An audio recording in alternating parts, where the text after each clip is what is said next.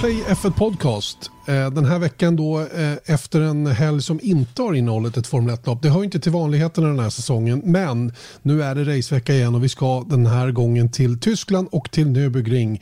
Vi kommer tillbaka till Nürburgring för första gången sedan 2013. Eh, och vi kommer att prata Nürburgring och vi ska prata väldigt mycket Honda i dagens sändning. Eller i dagens sändning, men i dagens podcast i vilket fall. Eller hur Erik? Ja, det ska vi göra för vi har med vår internationella kollega Scott Mitchell som är ju eh, en prominent Formel 1-journalist på eh, hemsidan The Race. Han skriver på din eh, blogg på Teknikens Värld. Gör han. han är med på YouTube. Han är med lite överallt. Ja, han är överallt. Han är ju en korrespondent av rang. Framförallt har han en jäkla bra relation med Honda.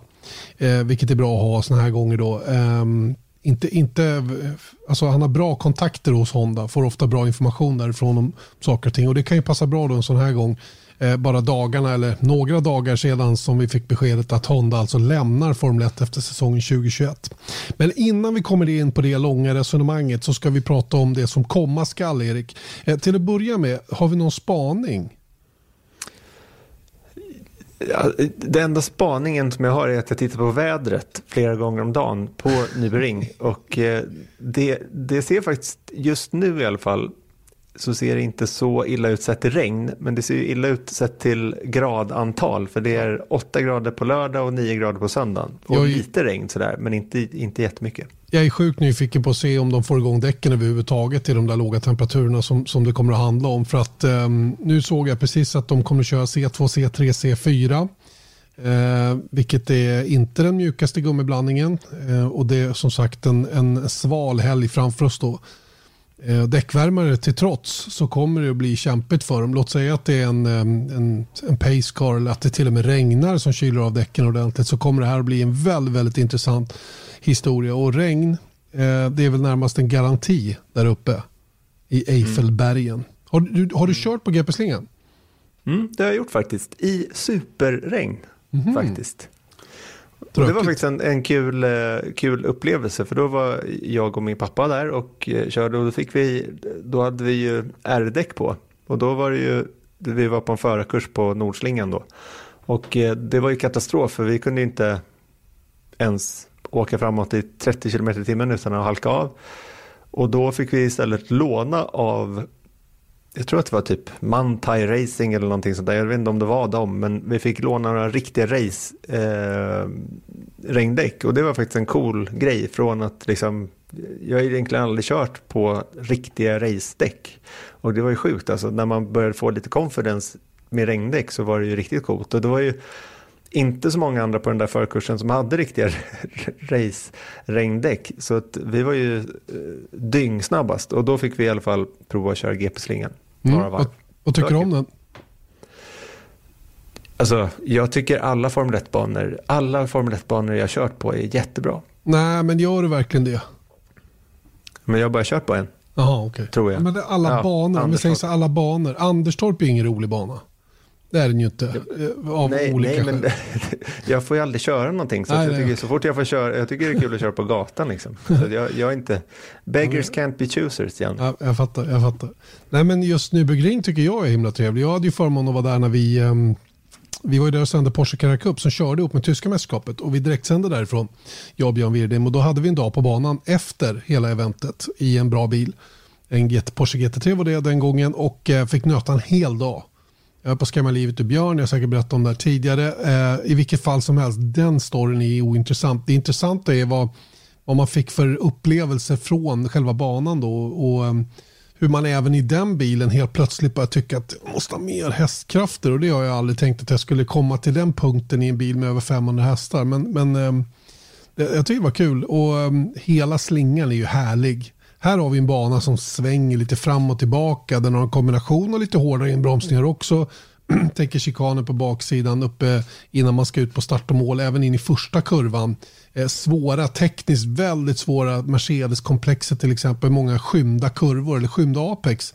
Som gör den väldigt knepig och, och, och manövrera. Framförallt hitta rätt spår i. Tycker jag. Nu är de här killarna proffs så det kommer inte vara något bekymmer för deras del. Men jag tycker det är en intressant bana ändå. Jag tycker det är kul att man kommer tillbaka till Nürburgring. Mm. Och sist vi var där var som sagt 2013 då. Då vann Sebastian Vettel för Red Bull. Han var hårt pressad av Kimi Räikkönen, då i Lotus faktiskt. Han, jag tror att han vann med precis en sekund. Eh, Romain Grosjean var också på pallen, trea, eh, också i Lotus. Eh, och Hamilton, som det året var nykomling för Mercedes, startade i pole position. Då. Och banrekordet, det är från 2004. Det är ett av de där få, ja det är för att banan inte varit med på kalendern på ett tag, men tidigare så var ju alla banrekord från 2004. Och just eh, i det här fallet då Eftersom vi inte varit där på ett tag så är det från 2004. Det är Takuma Sato som har satt det och det är på 1.27.69. 2004, vad sjutton körde han då? Var det Jordan han körde? Hon, bar Honda. Bar Honda var det? Ja, ja, ja. Mm. okej. Okay. Så den var så pass snabb där alltså. Eh, jag har ju några starka minnen därifrån. Ett som vi kommer att komma in på då nu, nu i helgen, eh, våra tv-sändningar då, den här helgen 2007. Eh, jag gjorde mitt allra första race tillsammans med Eje Älg alltså när vi var bredvid varandra på plats. Mm. Det var 2003, 2002 var det på Nürburgring. Eh, väldigt speciellt då rent allmänt eh, för min del. Men, men, men, jag kom dit i varje fall och eh, vi träffades första gången. Han sa, ja, jag, eller jag började med att träffa Atte Gullbrandsen på hotellet. Norska, min norska kollega som jag hade känt sedan många, flera år tillbaka eftersom han även han jobbade på Superkanalen, Super, Super Channel då, den här mång feeds-historien. Men så kom Eje dit och så sa han att eh, ja, tja tja. Ja men eh, jag vet, jag vet, jag vet vem du är, så. jag vet vad du kan. Så, typ så, mm. på sitt ejiska vis. Var det positivt eller negativt? Jag vet faktiskt inte idag ännu om det var det. Det var väl någonstans mitt emellan tror jag. Men han, han har ju en förmåga att liksom markera lite sådär och då, då sköter man sig. Då håller man sig i skinnet. Mm. Eh, men, men, på den tiden, och jag, det är också ett starkt minne. Jag kom ifrån, jag satt ju hemma då eh, på den här tiden med sex skärmar framför mig i en studio och hade full koll på allt. Och så kom jag till eh, ett race på plats. Det var mitt andra på plats bara. För jag hade varit 97 på Monza och sen det här. Och så sätter jag mig ner och så får jag en, en, en 16 tums tv. Och så har jag bredvid den en 14 tums tv med, med, med, med tajmingen på en sida. That's it. Mm. Ingen datakraft, ingen internetuppkoppling, nada. Det var ju total katastrof. Det var ju bara så mycket sämre än att vara hemma och jobba där man hade koll på mm. allting. Så att det var, det var... Med, med, ni, vet du vad ni hade istället då? Då hade ni de där Marlboro eh, böckerna. Ja, just det. Som man kunde få. Den där tjocka guiden. Ja. Precis. Grand Prix Guides var det, mm. så fick man slå i den. Det var som en liten bibel, typ ser det ut som. Mm. Alltså, med sådana här tunna, tunna papper och så kunde man slå varenda, varenda race. Och då är det egentligen bara resultat. Egentligen. Exakt, Men då, exakt. Det var väl det ni hade att jobba med. Ja, det var hopplöst. Hopplöst var det på alla sätt och vis. Inte ehm, bättre förr. Ja, Men det var din första smak av Formel 1 på Nybro Ja, det var det faktiskt. Det var då, då bodde jag där, eller var jag där för första gången. Sen har man ju varit nere i, i, i Koblenz, alla middagar vi har haft med eh, med Fredrika Petersen som bor där nere i Koblenz och hela den grejen. Så där. Och det är ganska fint där nere vid floden också när man är där. Det är 5-6 mil upp till, upp till banan då. Det tar kanske 25-35 minuter. Det beror lite på trafiken. Nu kommer det inte vara så mycket trafik den här gången. Vad är det? 20 000 åskådare de tillåter per dag. Mm. Ja, högst alltså tror jag. Jag tror att det är runt 13 000. Nej, jag kan inte siffran Nej. helt exakt. Men eh, publik får vara där i alla fall. Just Så det. Kul. Ja, och eh, Erik, det är nionde konfigurationen i F1-sammanhang av Nürburgring som används idag. Nionde alltså. Det var rätt så många mm. olika varianter. Mm. Men då inkluderar vi Norslingen. Ska ja, vi oh, jo, men det är ju bara en. Tillägga då. Det är ja, åt, åtta andra varianter och, och ehm, det, det, har ju varit, uh, Mercedes-komplexet fanns ju till exempel inte i början när jag var där, första svängen. Nej. Det kom ju till senare. Uh, det här blir också det 40, 41 uh, GP på Nürburgring men det inkluderar också Nordslingan som sagt som slutade användas då 1976 då efter att Lauda kraschade då i Bergverk och det är ju 19 gången som GP-slingan används i Formel 1. Mm. Ehm. den banan byggdes faktiskt 1984 vet jag. Och det var ju en ganska lång process tror jag att få till den banan. Men sen så när de väl satte igång så, så gick det rätt fort. Då. Men då, då körde de ju på Hockenheim bara under de åren då. Men sen så började ju Nürburgring komma och då körde de ofta samtidigt, eller samma år så körde de ju Hockenheim och Nürburgring under ett antal år. Men sen så runt där 2007 så började de alternera. Och det var ju då det började bli eh, eh jag vet egentligen inte varför det blev så, men det var väl ekonomiska ja, var problem det. egentligen som gjorde att, att eh, man körde ett år på Hockenheim och ett år på Nybering och sen så ibland inte alls i Tyskland och, och sådär. Men jag vet att 2007, då var det ju eh, det var första året, då hette det faktiskt Europas Grand Prix, men mm. det fanns inget tysk Grand Prix. För att Hockenheim ägde rättigheterna till Tysklands Grand Prix det året. Ja, okay. Så därför fick de heta Europas Grand Prix i alla fall då. Mm. Eh, just det, och sen har det hetat Luxemburgs Grand Prix vid något tillfälle också. Då. Och, ehm... mm, och, och den här eh, helgen heter den Formula One Aramco Grosser Preis der Eiffel, alltså Eiffelbergens eh, Grand Prix. Så det är fjärde namnet som ett GP på Nürburgring har. Mm. Bra att veta. Eh, det är jättebra att veta. Absolut toppen att veta. Och eh, nu går vi alltså in i en period med lite race igen. Det är ju lite lugnare i schemat nu framöver. Det kommer inte att vara lika tätt. Vi har väl en, två doubleheaders kvar. Det är väl det som, eh, som gäller. Sen är det lite luft mellan allting. Och ett av racen som komma skall är ju det i Istanbul, Turkiet. Eh, vi pratade om det tidigare att de hade ju eh, ambitioner då att ta in 100 000 åskådare och sälja biljetterna väldigt billigt och så kallade general admission biljetter. Det kommer inte att bli några åskådare överhuvudtaget. Nej, de har helt backat på den frågan då så det var ju tur att man inte åkte till, jag tror att vi faktiskt pratade om det i en tidigare podd att Ja, ska man åka och se på Formel 1 billigt? Jag tror att det var så här, tre pund skulle en general admission biljett kosta. Men nu så nu får de väl betala tillbaka de 30 000 biljetter de har sålt eller vad det nu är. Mm. Ehm, gissar jag i alla fall. Ja, alltså, det vore väl det rimliga om man säger så. Men, men eh, som sagt, någon publik kommer inte att vara på plats där. Vi får väl se. Det, det är ju tyvärr så att situationen runt corona i världen eh, är ju inte, det, håller, det blir ju inte bättre. Och jag tror säkert att du undersökte till exempel möjligheten för oss att komma till Abu Dhabi men det var ju i princip omöjligt utan att vidta en massa krångliga åtgärder.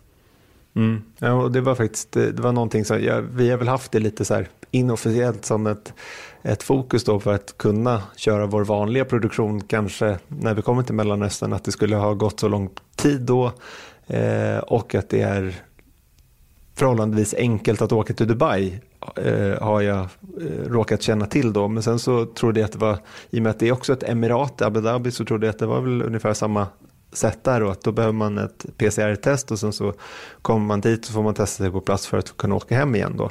Så jag trodde inte att det var något större problem men, men eh, det är också tydligt då hur olika det är i olika länder för att åker du till Abu Dhabi så måste du sitta i karantän självkarantän då i 14 dagar oavsett vart du kommer ifrån egentligen. Det som Formel 1 håller på med vad gäller eh, Abu Dhabi och Bahrain då är att då ska du sitta kvar i Bahrain. Jag vet inte exakt hur länge men det tror jag är tanken att du ska vara där eh, efter det andra racet och sen så ska du då eh, chartras direkt till Abu Dhabi och då är du, anses du fortfarande vara inom bubblan så att säga i Formel 1-bubblan. Och sen så vet jag då att när man väl kommer till Abu Dhabi då ska man aldrig få lämna Jas Island där eh, Jas Marina Circuit ligger då, då. För det är också en Formel 1 biosphere som det kallas då. Så det är fortfarande i allra högsta grad alltså igång det här trots att det börjar komma lite publik på sina ställen och så. Vilket gör att man kanske tänker så här att ja men nu börjar det liksom lösa sig men det är ingenting som har löst sig egentligen. Nej, det enda man väl på, från min lilla horisont i alla fall kan konstatera att an, andelen dödsfall är inte lika många nu som det var i början av pandemin. Så det får man väl hoppas att det, det är en trend som fortsätter gå ner åt, eller gå åt rätt håll då i vilket fall. Eh, hur den är så, så, pågår pandemin och det kommer ju garanterat att påverka början på nästa säsong också. Det känns så nu i alla fall. Jag har slutat att liksom ha något jag har slutat att se något ljus i tunneln. Jag tycker att det är lite halvgrått hela tiden nu och sen så funderar jag inte så mycket på om det finns något slutdatum. Utan för jag tror inte vi kommer att märka när det har klingat av nämligen. Jo, delvis kommer vi att märka när, när vårat jobb återgår till det normala. Eller vad vi ska kalla det då. Eller när vi börjar resa igen då. Och, och hela den biten. Men i övrigt så kommer man nästan inte att märka när, när det klingar av. Utan vi har redan ändrat beteende så pass mycket och det där tror jag kommer att hänga med framöver utan att det egentligen behövs på samma sätt som det gör idag. Mm. Men du, vi har fortfarande jo. Nybering framför oss. Mm. Du nämnde det första gången du besökte eh, Nybering för att se Formel 1. Jag mm. gjorde det 2001. Jag var innan dig ja. i, eh, i Formel 1-sammanhang på Nybering. Det är jag mycket, mycket, mycket stolt för. Jag var på Europas Grand Prix 2001. Jag och en kompis. Efter studenten så tog vi pappas Volvo. Körde ner. Sov i bakluckan. Vi såg många tyskar kissa i närheten av vår bil. För vi trodde att vi hade, det här var ett helt öppet eh, ställe på camp, campingen där. Och det var ju av en anledning som det var så då. Och sen så kom jag att vi fick låsa bilen och sen fick man försöka att inte röra sig så mycket för att annars satte larmet igång mitt i natten då. Så då, då, det var inget bra. I alla fall, vi levde på frikadellen Brötchen på läktaren där och duschade en gång på ett badhus. Jag hälsade på Hans Joakim Stuck nere i Adenau. Det är lite coolt. Hälsade på. Mm, mm. Det var coolt. Jag gick faktiskt fram till honom och sa så här, hello, eller vad är det man säger på Guten Tag. Guten Tag. Guten Tag var det, det jag sa. Ich heiße Erik. Eh, eh, ganz gut eh, getreffen. ja. Si. Alle zusammen, kom nu alla fall. Eh, och sen så minns jag så himla väl från det, det stark, jag vet att Schumacher vann, men det, jag vet också att han hans bil gick sönder på väg till griden på, på de här warm-up laps eller laps to grid. Så han parkerade precis där vi satt. Mm. Och så kommer jag ihåg att han hoppade på en sån BMW-motorcykel. Och körde tillbaka till depån då för att hämta sin, jag tror att han var i reservbilen men han skulle då ta sin vanliga bil då nu när, när eh, reservbilen gick sönder.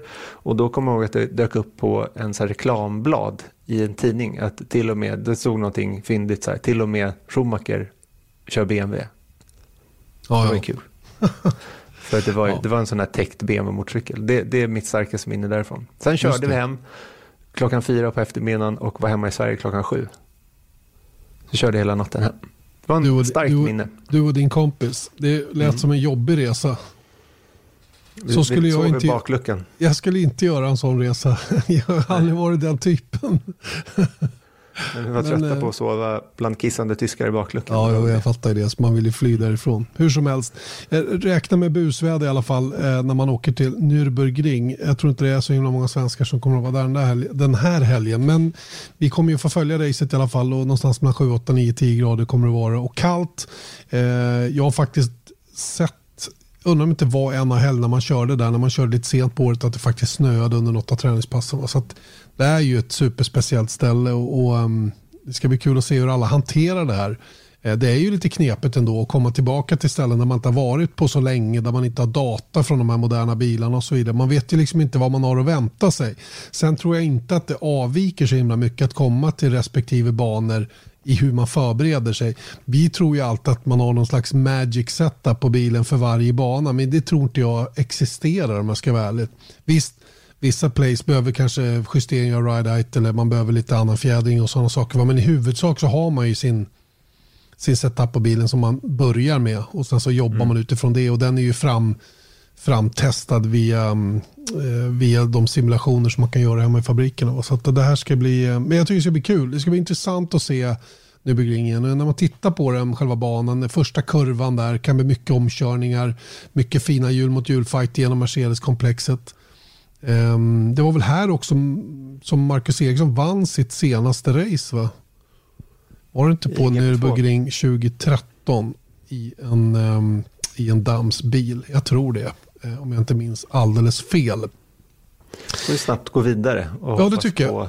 att uh, ingen kollar upp det där om ja, det är fel. Vi skenar, skenar hejvilt. Mm. Då har vi pratat en hel del om eh, kommande race. Då. Tysklands Grand Prix på Nürburgring som, som blir eh, en ny bekantskap för många i alla fall. Då, även om Formel 1 kommer tillbaka dit för första gången sedan 2013.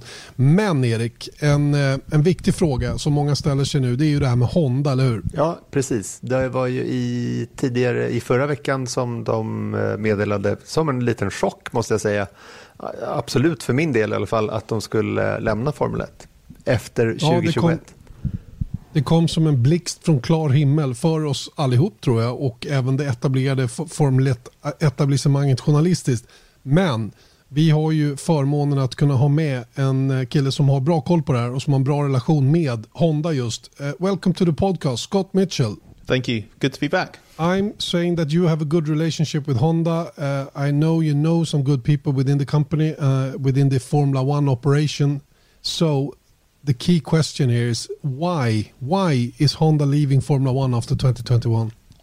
Uh, yeah, I think um, uh, I think there is a, a, sort of sadder kind of philosophical answer, which is that Honda's not really the same company that it used to be. I spoke to someone who um, has who their lifelong dream was to work for Honda, and they are now a part of their F1 operation. Uh, it's it's like the it's like what Ferrari is to Italian fans because Honda is just that big uh, automotive giant, but it has such a great motorsport history. Like you want to be an engineer at Honda, or you want to work within the operation, and Honda has always had motorsport in its DNA, and it still says that it has motorsport in its DNA. That's why it's only Formula One that it's withdrawing from, and it's still going to do other stuff. But I internally, or at least on the Formula One side, they think that this decision has been made because Honda just isn't the same company that it used to be, and what that company is now is one that is focusing so much on the automotive side of the business, and its justification is that it needs to invest a, a lot of money, a lot of technical resource, a lot of human resource. It's not all financial, but that's obviously a big part of it they need to redirect all of this energy and resource and focus to achieving some pretty big automotive targets. Um, there's no need to go into huge specifics about obviously what the car manufacturers are dealing with, but Honda specifically want to have two thirds of their uh, their sales uh, by 2030. They want two thirds of them to be electric, and by 2050 they want to be carbon neutral. And basically, what Honda's saying is that to achieve that, they can't have however much money they're spending, however many people they have working on F1 engines, when they they, they desperately need to look at new en, uh, new engine technologies, new energies, and, and, stuff like this. So, so there's a resource question rather than, uh, f- I mean, both personnel and financial resource question rather than they don't want to spend that money on Formula One. Really? I, I, I think so. I mean, that that was definitely the overriding message when they when they announced it and when they were trying to explain their decision um, afterwards. Uh, it's inevitably led to questions about whether that's really the reason, or as you say, whether it's sort of more of a bigger. They don't want to be in F1 anymore, and this is kind of a convenient excuse not to. I know that privately, and uh, I know that privately within F1, the organisation itself, the championship itself, they've it's not gone down very well with Honda using sustainability and future tech as a reason for them not being in Formula One because F1 thinks that it's doing a really good job on, on that side. It's got relevant road relevant technology, and also um, as uh, you guys might well have discussed before, they've got pretty big ambitions and targets on the sustain- sustainability side as well. You know, Honda doesn't want to be carbon neutral as a company until 2050. F1's looking to achieve that in 10 years, in, in 2030. So F1 kind of feels like, well, hang on a second, all these things you say you want to achieve is that's what we're trying to achieve. So why not do it here? I I think there's sort of like I think the truth is somewhere in between. I think that there are two factions, two divisions within Honda. One that want to carry on in Formula One and want to have this flagship motorsport program, but the other, which ultimately make the decisions, they count the money, they decide where resource goes. They don't see the financial value in pers- persevering in, in F1 when I think Honda or these people within Honda think that they've got sort of loftier ambitions that F1 just doesn't really fit in with. I I, th- I just wonder if like what do you guys think about this? Does this say anything in a larger sense about Formula One being relevant to car manufacturers in the future? I I think I think they are two slightly different topics because because they are fundamentally linked to this. If Honda didn't have to or didn't feel like it needed to make big gains in other areas of technology that Formula One obviously doesn't facilitate, um, whether that's creating or developing new energies or new technologies within uh, non-combustion engine. So whether that's uh, electric or um, or maybe hydrogen and or, or, that that sort of thing. Um, th- there is an element of that, but at the same time, the other three manufacturers have been quite keen to shout more about what F1 actually gives them from a technical point of view. And Honda says that everything they've learned doing Formula One for the last uh, last few years will help them in what they go on to achieve now. And, and F1 is in the process of trying to work out what it does next. So when the next next generation engine comes in in the mid 2020s, how's that technology going to evolve? There's going to be um, uh, the, the, the the new more sustainable fuel that gets introduced over the next few years as well. So it's not that F1 standing still. Um, it, so it is difficult to kind of reconcile the the Honda logic with what it says about F1 from a bigger picture point of view. I think it just shows more than anything how difficult it is for F1 to please everybody because Honda doesn't know what the next next gen technology is. That's why it's having to di- to to divert all of this resource into trying to find that out and improve it and make the next generation of Honda more suitable for that future. But if Honda, so if Honda doesn't know and the automotive industry doesn't know, how's F1 supposed to know? And, um, and in which case, yeah, exactly. And in, in which case, F1 can still be, I think anyway, can still be the laboratory that it's been for safety, for, that it's been for the combustion engine, that it's been for brakes and tyres and everything for 70 years or longer if you go back beyond the history of the World Championship. And it can still play a part in that. So it's not irrelevant from an engine point of view.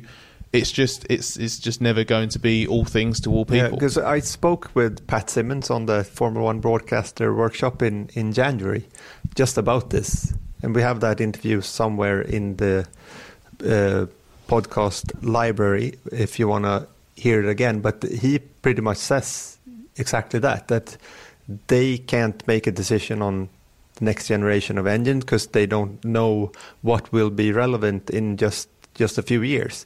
But the point being, uh, which I think is strange in a way, that when they've invested all this money, Honda and Renault and Ferrari and Mercedes, all the other engine manufacturers, they have a say in where they're going if they're there. But now when they step out, they don't have a say anymore, which is, you know, it, it's a bit strange leaving at this point. I think. Mm. I think that, that Honda, I'm I'm having a problem with their with with their commitment. I mean, the commitment is they, they are like coming coming and going and coming and going. And where where is the commitment? Are they committed, or is it a Japanese thing? Or I mean, what what do they actually want with coming to Formula One? I don't really know. Well, I think this is what um, this sort of comes back to what I was saying about F, uh, Honda just not being the company that it used to be, and it and it can say all it likes that the DNA is motorsport, and they will always be a part of that.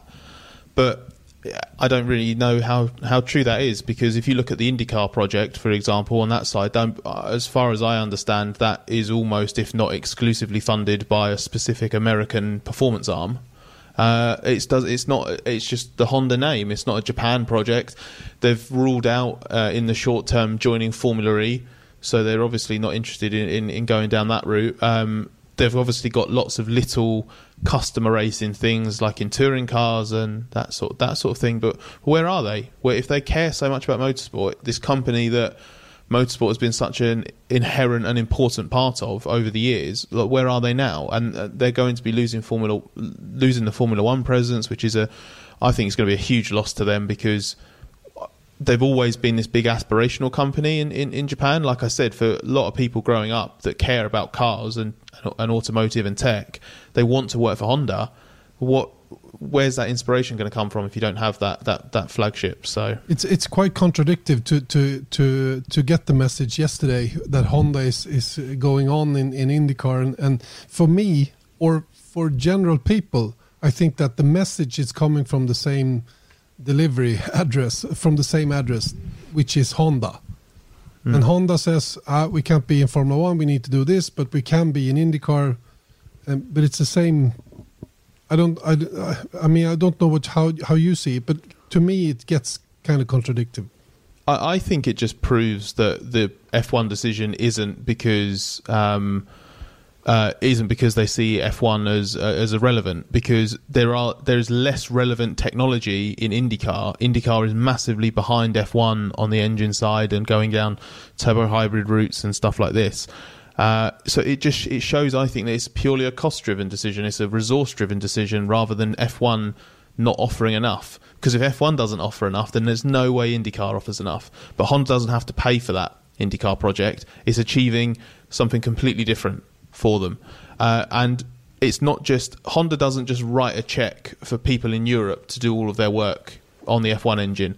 It's a huge facility at Sakura uh, in Japan that that takes up an enormous amount of funding. It u- uses equipment, it uses people power, brain power, and if you don't have that being spent on F1, then that's a massive asset for Honda to deploy in other areas. I, I happen to know, though, that what you said, you mentioned that as well, Scott, that um, the the IndyCar deal that IndyCar has with Honda is with HPD, Honda Performance Development, and that's a Californian like a sister company to Honda rather, and that's where the investment in IndyCar comes from, as far as I'm aware.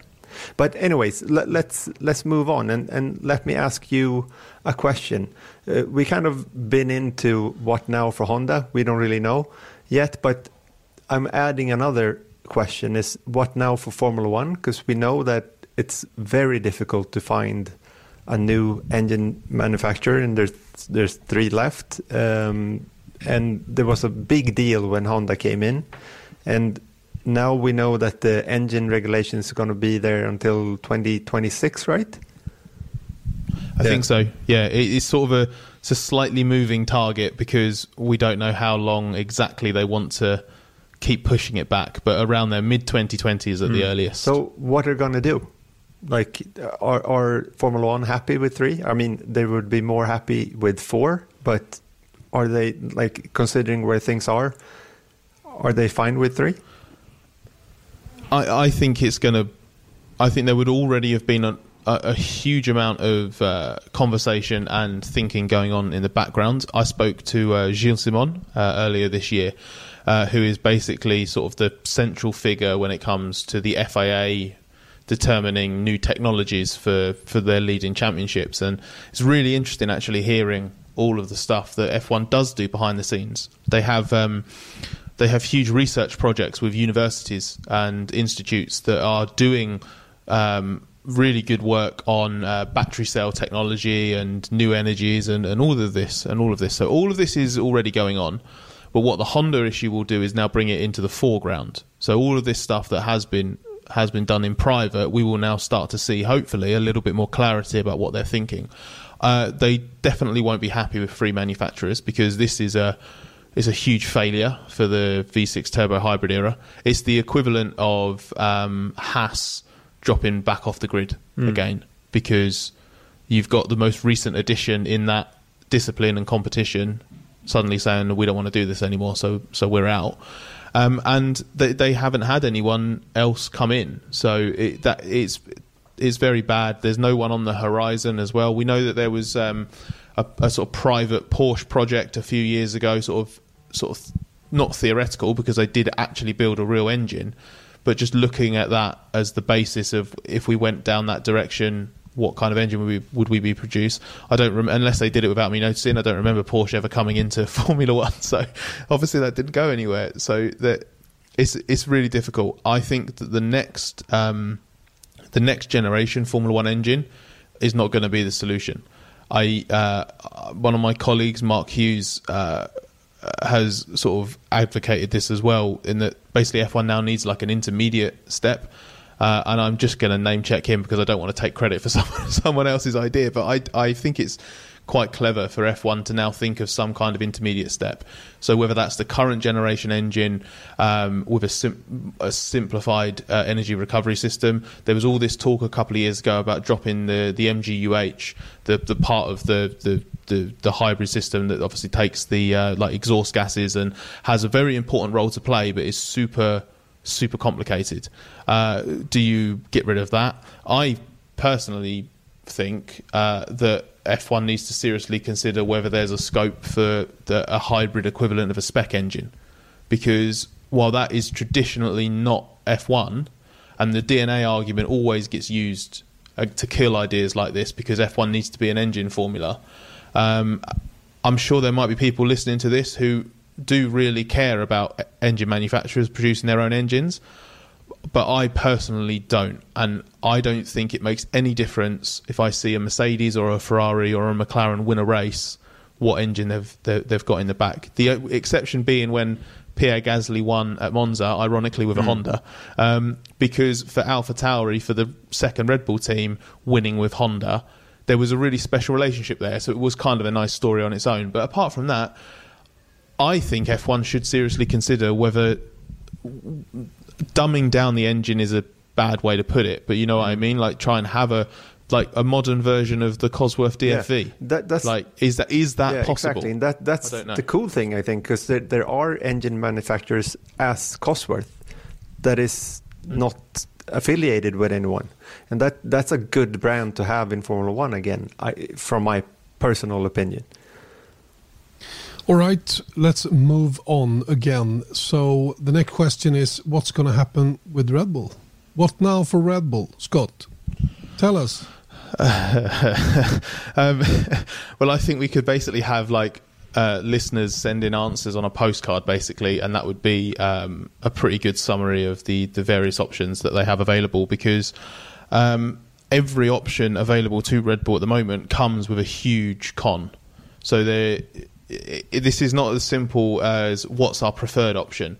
I think they have to pick what's the least worst because, as it stands, the information we have at the moment and what's available, a return to Renault looks the most likely, or at least the simplest option. They hate each other. Red Bull and Renault have not got a good relationship and they burnt their bridges back in 2018 with a really messy divorce. But do you still uh, think it is like that? It's business. This no one have have like some. They have not. Uh, they cannot afford to be to be thinking that far back. I mean, now it's new days. But new, look, new at look at uh, Honda and Fernando Alonso at Indy 500. It runs yeah, deep. Yeah, sure, but yeah, it it goes deep. But I think that's quite unprofessional to to make emotions dictate what you're going to do business wise. It is, but um, an an emotional, uh, like emotional and immature reaction is exactly what led to their relationship exactly. falling apart in the first place. All of the public digs, and it's continued, hasn't it? Yep. It was like Cyril Abiteboul, the Renault boss, only a few weeks ago was saying that um, Red Bull has missed a trick. Uh, in F1 by not having its own, by being separate to its engine supplier, and you can't win in Formula One unless uh, both um, your places are both your engine and race team are from the same place, which is ironic considering Renault has yeah. a race team in the UK and an engine department in mm. France, so they are literally not in the same place. no, but that, like it's, it's super interesting, I think, because I remember us talking about this, Janne, when it happened. Like, why in the name of baby Jesus are they? Uh, why are they complaining that much? Front and center. There was no reason for to do that, even though they were disappointed at Red Bull. That Red Bull was disappointed with the the Renault performance at that time. But why? Because they know yeah, that nothing I, is forever in Formula One. No, it's not. But somehow, especially from the Red Bull side, I think that they they do things. Um, they do things really thinking that they can make a change. So what they, they it's a, lot of lobbying going on, right? And and that's what I think that, that Red Bull think they're doing. But as you said, Scott, they're burning bridges. Uh, mm. But well, how how often, how many instances are there of people with money thinking they can get away with throwing their weight around and money fixes everything, right? So ultimately, if you've got some, if like that's your solution. If it if it go ends up being bad, then Red Bull will just find a way to like either fund something different or there's always the threat, isn't it? We've got loads of money, we've got loads of resource. If we don't like what F1's turning into, maybe we're going to go and race in Le Mans or we'll go and do IndyCars. Same as Ferrari. Yep. You just throw your weight around wherever you can. But, like the yeah, but listen, uh, the the um, the money for buying or leasing an engine is like 15 million euro, right? Per Every year, one thing is always predictable postage costs go up. Stamps.com gives you crazy discounts of up to 89% off USPS and UPS services, so your business will barely notice the change. Stamps.com has been indispensable for over 1 million businesses just like yours. It's like your own personal post office. No lines, no traffic, no waiting. Sign up with promo code PROGRAM for a four week trial plus free postage and a free digital scale. No long term commitments or contracts. That's Stamps.com code PROGRAM. Per per team. So is is 30 million euro is that money that Renault needs from having two more teams or is it costing them more than what they gain? Do you understand the question? I think um, I think because they have the infrastructure in place and they've been supplying multiple teams for for a while. Uh, on that side of things, that they, they have most of the stuff that would cost the most money in that. There would be complications because they'd have to work out dyno time, uh, testing time. Would um, would Red Bull and, and Alpha Tauri would they switch to the same fuel and oil supplier? If they don't, do, is there a how do you get more dyno time for them and it detracts from what you're trying to achieve with the works team um, but at the same time 30 million euros is something that a manufacturer like Renault's not going to turn its nose up at especially when um, they're losing their customer McLaren to Mercedes for, for next year. So there's a commercial and a performance element to it because the more engines you have running on track, the more information you yeah. gain. But then we have uh, so Renault is the most likely scenario uh, in terms of engine suppliers to Red Bull from 2022, and there's also the the fact that Renault have to supply Red Bull if they need engines at that time due to re- regulations. Yeah, exactly. So that's why they're the most likely. Even though we just spent a few minutes saying why they hate each other, why they would never go back to working with each other, that's the only reason they're the most likely. They are uh, the most. Um, they're the ones with the most uh, free resource to do it because Mercedes currently supply or will supply from next year four teams. Ferrari has three teams. Renault has the extra capacity to do it. But as you mentioned there, Erik, it is enshrined in the regulations. I won't. Uh, I won't read out what the equation is. It's really. It's a. Need, it's a very F1 needlessly complex equation. But they basically work out um, which team, well, which engine manufacturer has to supply a team that doesn't have an engine. The idea being they, they, they put this into the regulations a few years ago to make sure that no team ever ended up without an engine supplier, and it basically gives the FIA the power to tell a manufacturer you have to supply this team and then they have to go away and, and come up with a commercial agreement within the 15 million euro as well that you, you mentioned, Janne. So, um, can the relationship between Red Bull and Renault be fixed? Can it get fixed? Can someone broke it? Uh, I mean, well, it's um, we all know about like marriages of convenience. Sometimes they have to work, and I think uh, I think it could be repaired to the point where it serves Red Bull as an interim uh, interim solution. A little bit like we were talking about with the engine tech for Formula One. I don't I don't think their next move is necessarily going to be the the best move for them.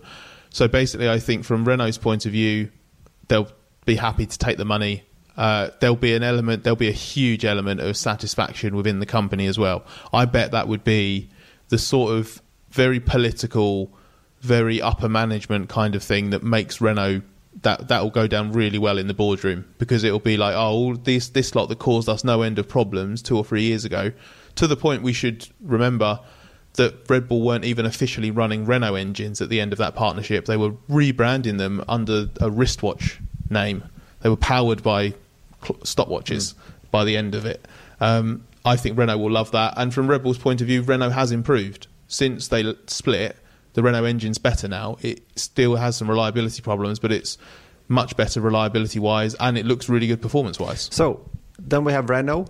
That's the probable answer to the question. But what about Ferrari and Mercedes in short? Um, I would be surprised if either of Ferrari or Mercedes wanted to supply a direct rival. Um, but I suppose it's not completely out of the question because Mercedes is going to supply McLaren from next year, and McLaren has grand ambitions to get back to the front of F1. Plus, there are new technical rules coming in, so there is potential for McLaren to be a competitor to Mercedes, and that hasn't stopped that deal.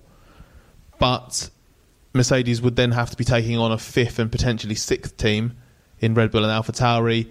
I don't know if they've got the production resource to do that. And Ferrari, as far as I'm aware, would have absolutely zero interest in, in, in supplying Red Bull. But then keep your enemies closer. That's the saying, right?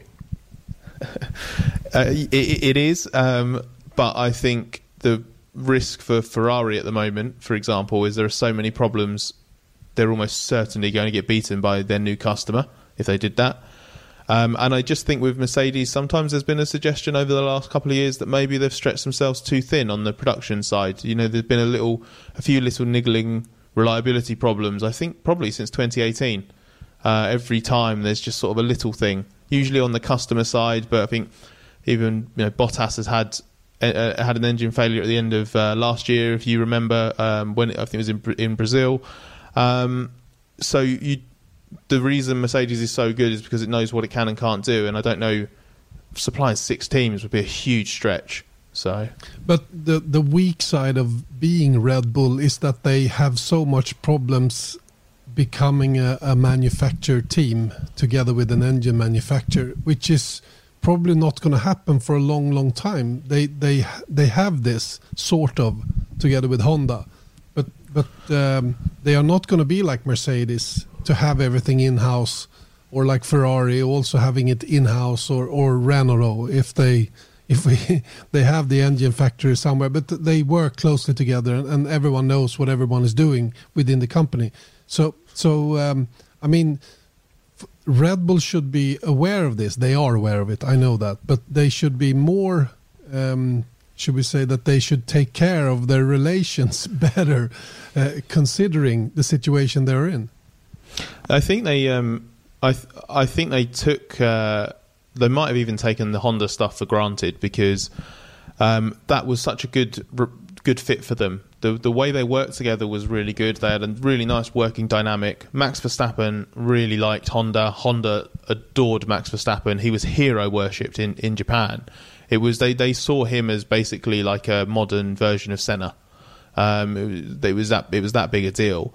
Um, but unfortunately, what you have in that direct relationship isn't necessarily reflective of what the company thought. And now the rug's been pulled from underneath Red Bull by the, the boardroom in, in Tokyo. And so now they've gone from they go they will go from being um, in in every aspect apart from the name a works team. You know, Honda was doing everything for what Red Bull needed from a car perspective, and that's a big part of why Mercedes is as good as it is because you've got the car division at Brackley in the UK and the engine division in Brixworth working in perfect harmony, and Red Bull, unless they yeah, magic up their own engine program, they're not going to have that. About that, because there are rumors flying around that they would be able to to buy the. Uh, the uh, well, pretty much buy the the what Honda's produced so far and just keep on developing developing it themselves, or maybe leasing it out to to another brand. I mean, we see a lot of those corporations or cooperations nowadays in Formula One with Alfa Romeo being in uh, Sauber without not really doing the technical part. It, it's pretty much a, a, white label solution to stuff. How how do you guys see that as a potential solution? I would be amazed if Red Bull hasn't asked the question how much you know would you be willing to sell your IP and how much would it cost us? And then the second part of that, if Honda say yes, is does Red Bull have someone ready to actually make uh, make that happen in reality? The, the good thing is that this isn't happening at the end of this season; it's happening at the end of 2021. So Red Bull has, let's say, 12 or 15 months to put in place the infrastructure in Milton Keynes for an engine division.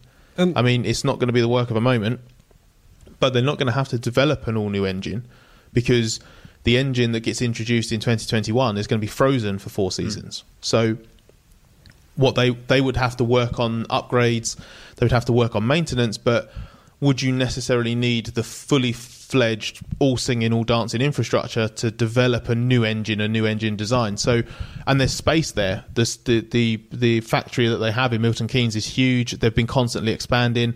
They've been doing the um, the Aston Martin uh, hypercar project as well. Isn't doesn't, so, doesn't Honda have something in Milton Keynes as well? Yeah, exactly. Yeah. So Honda have their, their, their own facility there yeah. uh, as well. So logistically, I don't think it's as big an obstacle as it might sound on on the surface, and I'm pretty sure that at some point Red Bull and like McLaren, they've always made like a little bit of noise about whether they could or, or couldn't.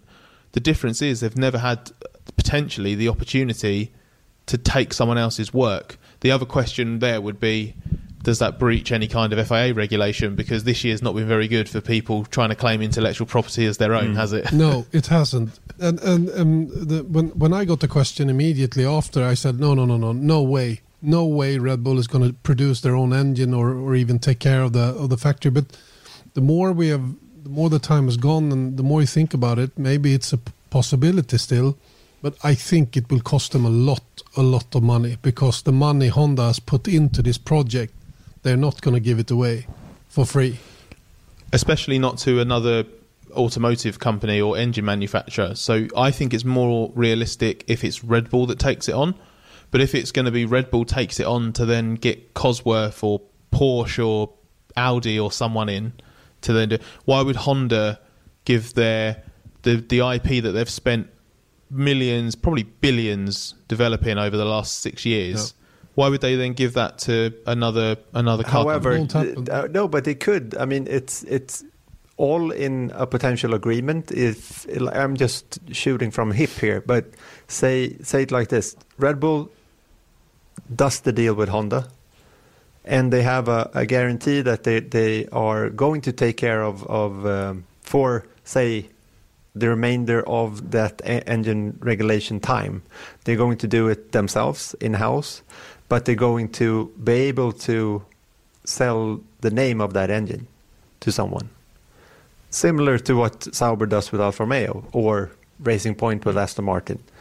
And they can just say, because I mean, they did it before with Tag Heuer, as you mentioned, but the difference being that they, they are taking care of it themselves, then they can recoup the costs of, of doing that maybe by by saying that well Porsche is now on board with us, even though it's not hundred percent true.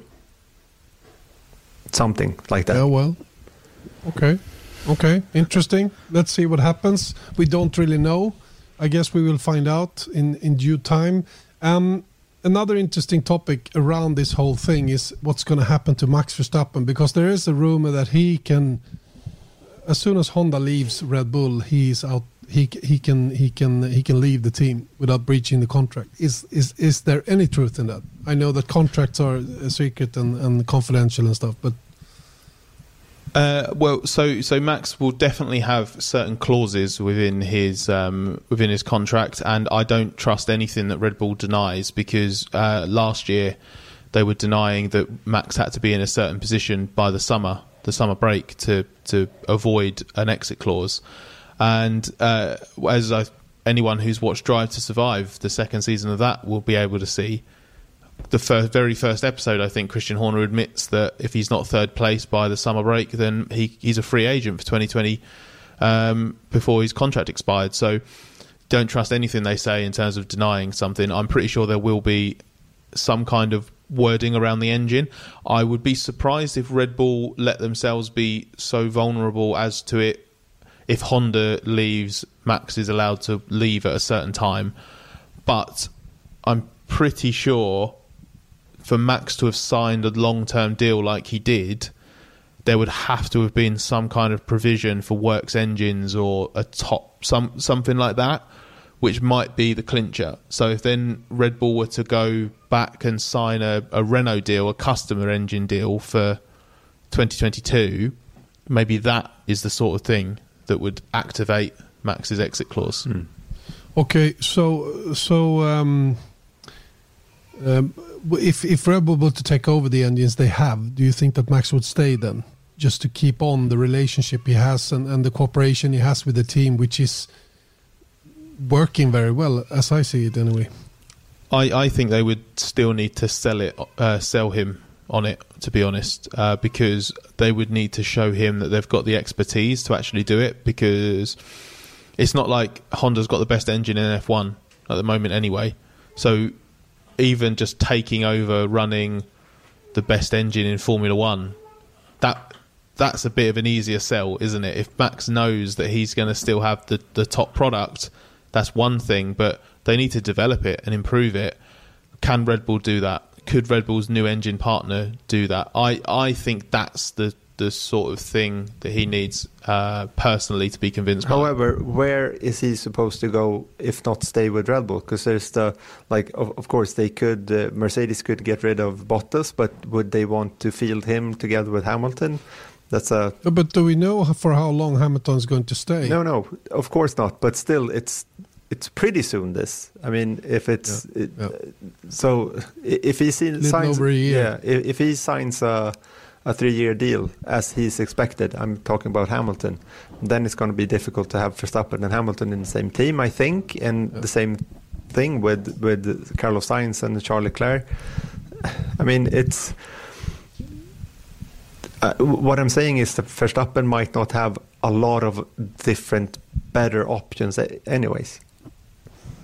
For for 2022, I think uh, I think all bets are off where who would be willing to sign Max because it's very very easy for Mercedes and Ferrari to turn around and say they would not pair Verstappen with Hamilton or Leclerc when he's not available. Hmm. That's, that's a very very easy situation for them to dismiss. It's ve- it's not very often someone like Max is on the market. So I I would I would not rule out. I I always th- thought that if Red Bull Honda came up short, if Max lost faith in Red Bull in any way, that would be the moment he goes to to Brackley to Mercedes or whatever the Mercedes team is called. If Mercedes left in a year or three years or whatever, I always saw Max at being in that team at some point, and I genuinely believe that Honda's exit pushes him closer to that than he was before. How exactly how likely is obviously impossible to say about knowing the contractual terms, but we're now into October, this much anticipated, much expected new Lewis Hamilton deal is still not signed. That's still not done. Valtteri Bottas hasn't exactly had the most convincing of seasons since his new contract was done. George Russell is doing, I think, a very good job at Williams, but it's still there's still serious question marks over him racing in the midfield. Esteban Ocon's getting his backside kicked by Daniel Ricciardo at Renault. Who is who is there to lead whatever Mercedes is after Hamilton, other than Max Verstappen. Mm. So I I think uh, I don't don't rule it out for 2022 or some 2022 or 2023. Maybe maybe that will be the move. You you well, you, we'll uh, you have some good arguments there. I'll I'll, I'll give you that. but, That's great. Yeah, but let, so there's uh, regarding next year. I've been pretty sure we've been speaking about it quite a lot, Janne, about the potential Formula Two drivers entering Formula One for 2021, 2021. and I've been fairly certain that uh, Mick Schumacher will will um, replace join the grid. Yeah, will yeah. replace Giovinazzi there, and also that uh, Kvyat would make space for Yuki Tsunoda, the young Japanese driver who's backed by Honda. What happens to him now? I, I think he um, I think he's still in exactly the same place because um, he was obviously was a Honda protege in, in Japan. He won Japanese Formula Four with Honda, but when he stepped up to Formula Three last year, he became a fully fledged Red Bull junior as well. So he was Honda's protege, and he still runs the the, I think it's the Formula Dream um, like project logo and stuff like that. Um, but he was he then became part of the Red Bull family, and he was really good in Formula Three with a Jenzer team that isn't like you know it's just just nothing special at all. Yuki won a race and earned what I think there was an expectation he'd do a second year in F3, but Red Bull and Honda were so convinced that they were like, actually, we want to put him in a proper F2 team. So they've done they've done that, um, and he's been exceptional this year. He's so fast. He's been really unlucky in a couple of the races. I think he'd actually be more entitled to contention than he is if circumstances had gone in uh, in his way. And I think outside of uh, Mick Schumacher and Callum Ilott, I think he's been the um, the star of the F2 season. So he is uh, he's probably not going to win the title, but he has still been ex- extremely impressive to the point where I think Red Bull now just treats him as one of its own. Mm. Um, there is, and Honda will still be on the grid next year, so I think uh, there will still be something to be gained from him going into the AlphaTauri seat from a Honda perspective, from a Red Bull and AlphaTauri's perspective as well. They'll gain from that. Um, and then, by extension, if Yuki is as good as he looks, then Red Bull's finally answered this long running talent pool problem because they're not exactly uh, they're not exactly packed with uh, options, are they? Uh, right outside Formula One at the no. moment. No, it's not. It's definitely not. And Yuki Tsunoda would be uh, would be an interesting driver to see in Formula One. And I guess um, looking at how Japanese companies have worked uh, back in time, that they uh, they still continue to to back their drivers. So if Yuki Tsunoda would to come into Formula One and, and maybe need some financial support, they would still be there, even though Honda is not in Formula One, sort of.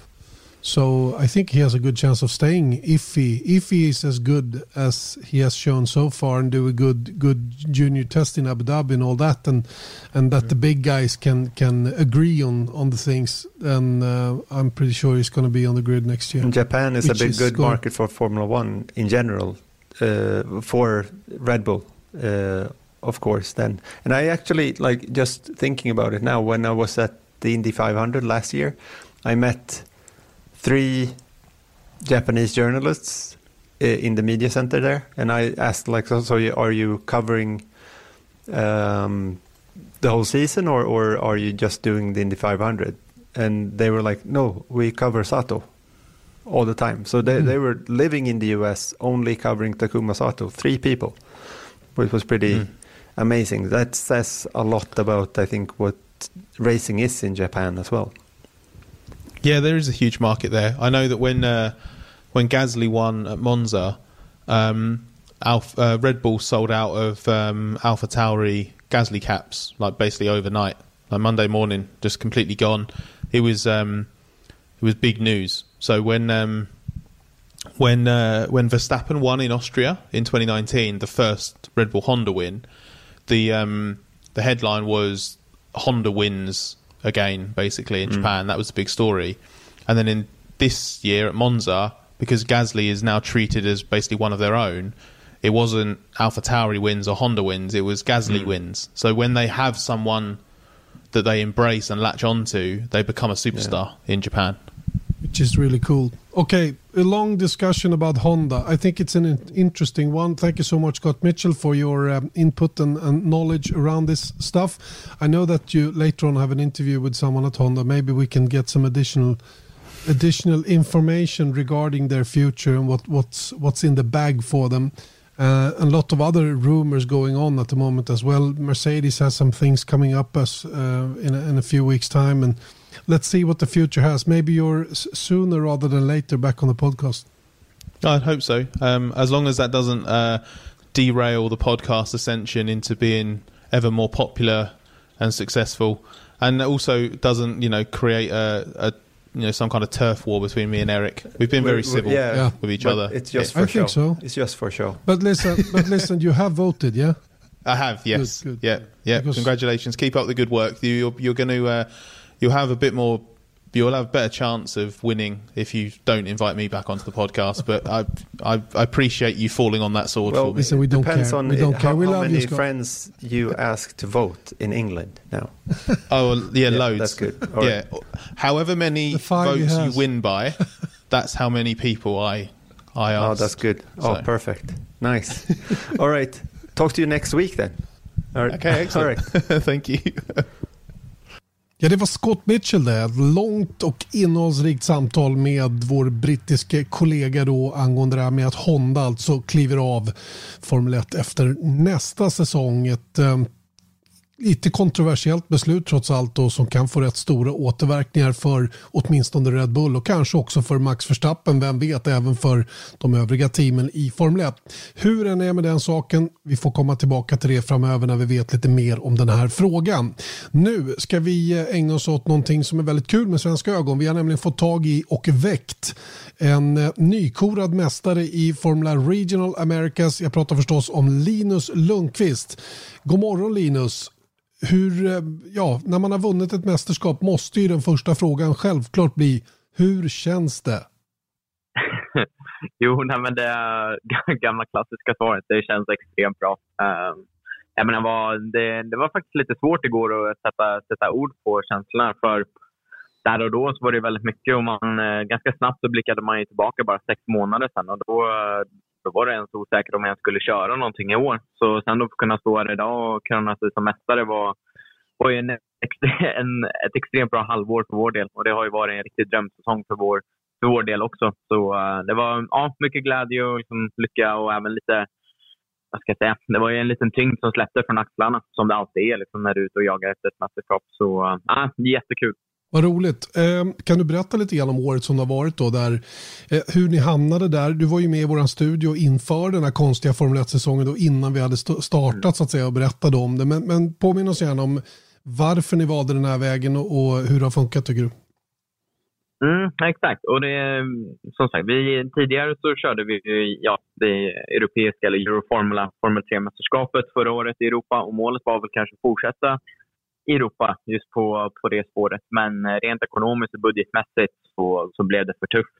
Och eh, tittade på lite olika alternativ och sen då så uh, när Honda gick ut med sitt scholarship som egentligen var den största anledningen till att det här mästerskapet blev intressant för vår del.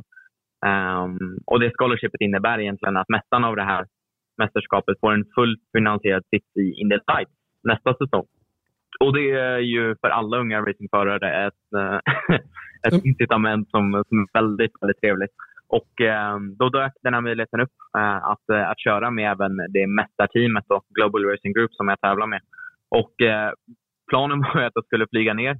Men sen så precis då i samma veva så flög ju corona in och eh, ställde till det lite. Sen var det lite sista minuten för problemet för mig att komma in i USA var inte helt lätt att ta sig runt. Utan jag var ju tvungen att åka till Mexiko i två veckor, sitta i karantän där.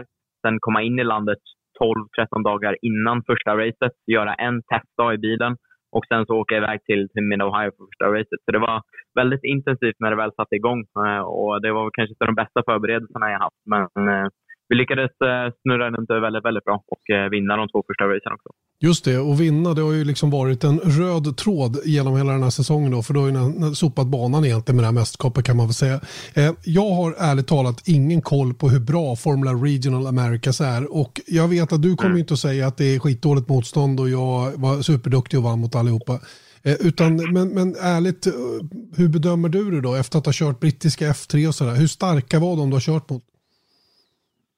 Eh, vi säger så här, det, det skedde ju en grej eftersom Indy Lights-mästerskapet i år tyvärr inte, tyvärr inte kördes så hände det ju en grej bara ett par veckor innan, innan vår säsongstart. Och det var ju att ett par team och ett par förare från det mästerskapet anslöt till, vår, eh, till vårt mästerskap. Och det var ju någonting som ett höjde ja, antalet bilar men även så höjde det ju statusen på mästerskapet väldigt, väldigt mycket. Så eh, med tanke på det så måste jag ändå säga att det, det har varit alltså, ganska tufft mästerskap. Och det enda jag säger är liksom titta, titta på de andra förarnas CV uh, eh, och de, de som kör i mästerskapet så får man liksom bilda sin egen uppfattning. Men jag kan säga att det, det har inte varit lätt för, för vår del heller, eller för min del. Att, eh, visst, vi har ju 12 vinster, men det har ju varit extremt hårt jobb som ligger bakom det också. Uh, och det har ju inte varit liksom raka seglar, sorry, seglar hela tiden, utan det, det kan ju vara små grejer som, ja, som har hjälpt oss liksom på vägen det märkte vi bara nu liksom, i senaste racet hur viktigt det till exempel är att få till, få till en bra start och uh, alltid kvala bra. För uh, det är svårt att ligga bakom. Även om du är mycket, mycket snabbare så är det svårt att köra. Eh, jag brukar säga att alla, alla som vinner ett mästerskap och vinner race har, har det där lilla extra och det, det kan man konstatera då att, att du har skaffat det nu. Du, det här är din andra mästerskapsvinst dessutom nu då. Ehm, och eh, en otroligt imponerande rad av segrar och pole positions rakt igenom hela den här säsongen. Ehm, precis som du själv var inne på då, en miljon dollar i scholarship då till en säsong i Indy Lights. Ehm, vad vet du om Indy Lights framtid och, och, hur ser det ut för deras del? Kom, kommer det att bli något Indy Lights? Eh, vad har du hört från din ända? Vi får väl se lite vad som händer. De, det jag har hört nu är ju att det, det kommer köras. Eh, och det är ju liksom deras intention såklart. Sen eh, vet jag väl att det kommer vara ungefär som, som förra året. De sa liksom att det kommer, det kommer köras fram, fram till att det beslutas att det inte görs. Eh, sen får man ju bara se lite hur, hur utvecklingen sker. Men ju tidigare de kan ge ett besked, desto bättre för, för, för alla. Men eh, jag tror och hoppas verkligen att, eh, att det kommer köras nästa år. Har du fått några förhands, någon förhandsinformation om vad ett eventuellt scholarship skulle ta vägen om det inte blev något mästerskap? Kommer du få support någon annanstans eller hur ser det ut? Vi får se lite. Vi, har ju, vi, har, vi för ju en konversation med, med Honda eh, just nu och vi har ju tagit upp den eller försökt ta upp den möjligheten också så att vi inte, ja, om det står att det inte blir någon Indy Light så att vi bara står ja, platta och faller på backen utan vi ändå jobbar lite proaktivt med det. Så vi får se lite. De, Honda har ju lite, lite dörrar, inte bara i USA utan även, även på andra ställen. Så vi får se lite vad det kan bli där. Men eh, deras första intention är ju att sätta mig i en Indy Lights-bil och det, det tycker jag låter som en väldigt intressant eh, framtid. En sjukt bra idé utav Honda helt enkelt, att sätta dig i en Indy Lights-bil. Okej, okay, då kommer vi till nästa komplicerade fråga då. Vad, I vilket team? Mm. För att det måste ju vara något team ja, då som är kopplat till Honda såklart. I Indycar, i Indycar då menar jag, eftersom ni åker AER-motorer i Indy Lights. Yes, exakt, exakt. Så det är, de, de sa ju även det liksom när de gick ut med det här priset, att det, det kommer vara mitt Honda associerat Indy Light-team. Då. Um, och eh, redan där så har vi liksom, ja, det är ett par team som, uh, som man kan köra med den. Och sen får vi se lite eftersom det kan ju vara även nya team som ansluter inför, inför nästa år. Eller, um, sen har vi Andretti som är det största teamet och som även har kört med Honda-motorer i Indycar till exempel. Så det, det är ju möjligtvis också ett alternativ. Men det är också en konversation som självklart kommer jag vara väldigt, väldigt involverad i den, men det är även en konversation som Honda ska ha direkt med teamet. Okej, okay, så att det är lite grann upp till dem hur de bestämmer sig för att gå till, till nästa steg så att säga? Ja, eller de, jag ska inte säga att de fullt ut väljer ett team, utan de väljer ut ett antal team som, som de anser liksom att de här kan vi köra med. Sen, eh, sen kommer ju liksom nästa budgetfråga med, med det hela också. För jag menar, alla, alla team har ju olika budgetar och så vidare. Så vi får se lite vad, vad Honda känner sig liksom bekväma med. Hur, hur tycker du att att racea i USA har varit då? För det är en ganska stor omställning trots allt jämfört med det du har gjort tidigare. Åka på Alton Park och Snetterton och så komma till Mid Ohio och, och Road America och de här ställena som ni har kört på. Ja, exakt. Det, det har varit en stor omställning. Inte bara racingmässigt utan även, jag har ju ja, bott här så mycket jag har kunnat. Så uh, det, det har varit en ganska stor omställning rent levnadsmässigt också. Uh, och försöka bli van vid. Men uh, racingsidan tycker jag har varit rolig. Uh, mycket, eller, mycket mer respekt, men man är, eh, jag säger så här, man är mycket mer kompisar off-track än man, vad man är med förarna här i Europa. Ehm, det, det kan jag säga. Och sen, sen även hur man, hur man jobbar i teamet är ju väldigt annorlunda. Det, det känns som man har, man har gått tillbaka lite till old school-stilen här borta. Det är inte jättemycket datadriven engineering, utan eh, det är lite mer den här uh, mänskliga touchen. Uh, vilket är kul tycker jag. Det, det är skönt, får man en lite närmare relation med dem i teamet också. Har det kanske till och med varit till din fördel? Ja, det kanske jag skulle vilja säga. Det verkar som det i alla fall. Mm. Okej, okay, jag gissar ju att du håller lite koll på grabbarna i Indycar, både Marcus och Felix som är där och de har gratulerat givetvis till segern och hela den biten och det är väl slutmålet nu då? Eller med tanke på att du har tagit det här spåret i USA? Ja, absolut. Och det är, som sagt, när vi skiftade lite fokus till USA så är det ju naturligtvis Indycar som, som vi blickar mot. Men jag är inte den som är den, så öppnar det en dörr, en bra dörr att komma tillbaka till Europa så uh, ska inte jag sitta här och säga att jag kommer tacka nej till den. Utan vi, uh, vi stänger inga dörrar. Så vi får se lite vad som händer. Men naturligtvis blir ju det mer naturliga målet Indycar. Vad, blir, vad är en bra dörr i Europa? Ge mig ett exempel. Uh, ja, en, en bra styrning i Formel 2-team till exempel, eller något liknande. Mm. Ja, nej, men det skulle jag säga som ett bra exempel på en bra dörr.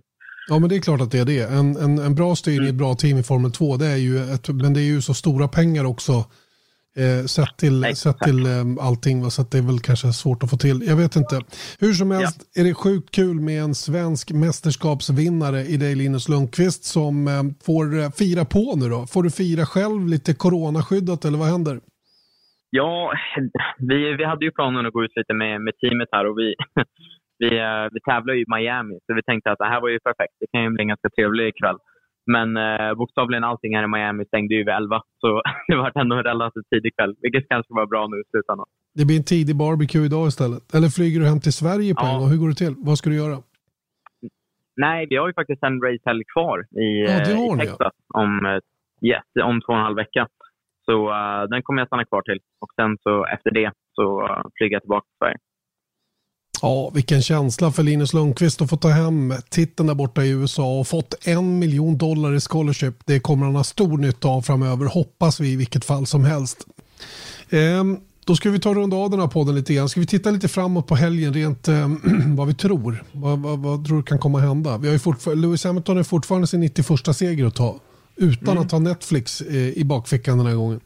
Exakt, the Netflix curse som eh, blir allt mer vedertagen tror jag inom Formel 1. Men jag tror att eh, generellt sett vad man tänker runt Hamilton är just den grejen. När han haft en dålig helg så är det på något sätt att han kan lyfta sig själv i, i håret och sen så gör han bättre än någonsin. Han är ju sällan liksom två dåliga helger i rad. Och på något sätt så känns det också lite passande att han tar den här tangeringen av Schumachers segerrekord på 91 segrar i Tyskland på något vis. Varför då? Just för att det Merca är tyskt eller för att Schumacher är tysk eller bara ändå? Båda de grejerna faktiskt. Okay. Just att Mercedes hemmaplan och sen så äh, även då på Schumachers hemmaplan. Men också då att det är en tangering. Det är inte, han slår inte rekordet i Tyskland utan det kan han göra i Portugal. Just det, så är det. Så är det.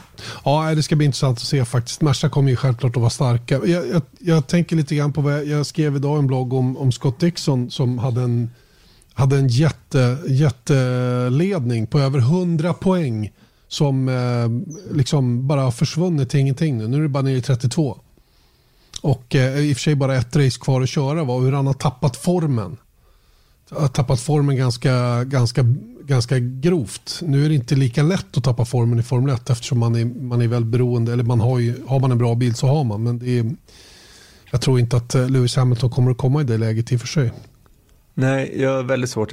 Det återupprepar att jag tror att senast Hamilton hade två stycken skithelger, och vilket är typ det som krävs för att han inte ska vinna ändå, är ju länge sedan i minsta fall, även om de inte har liksom ren statistik att backa upp det med. Men jag, Nej, jag men tror att två han, helger på rad, det har väl inte hänt på sen hybrideran?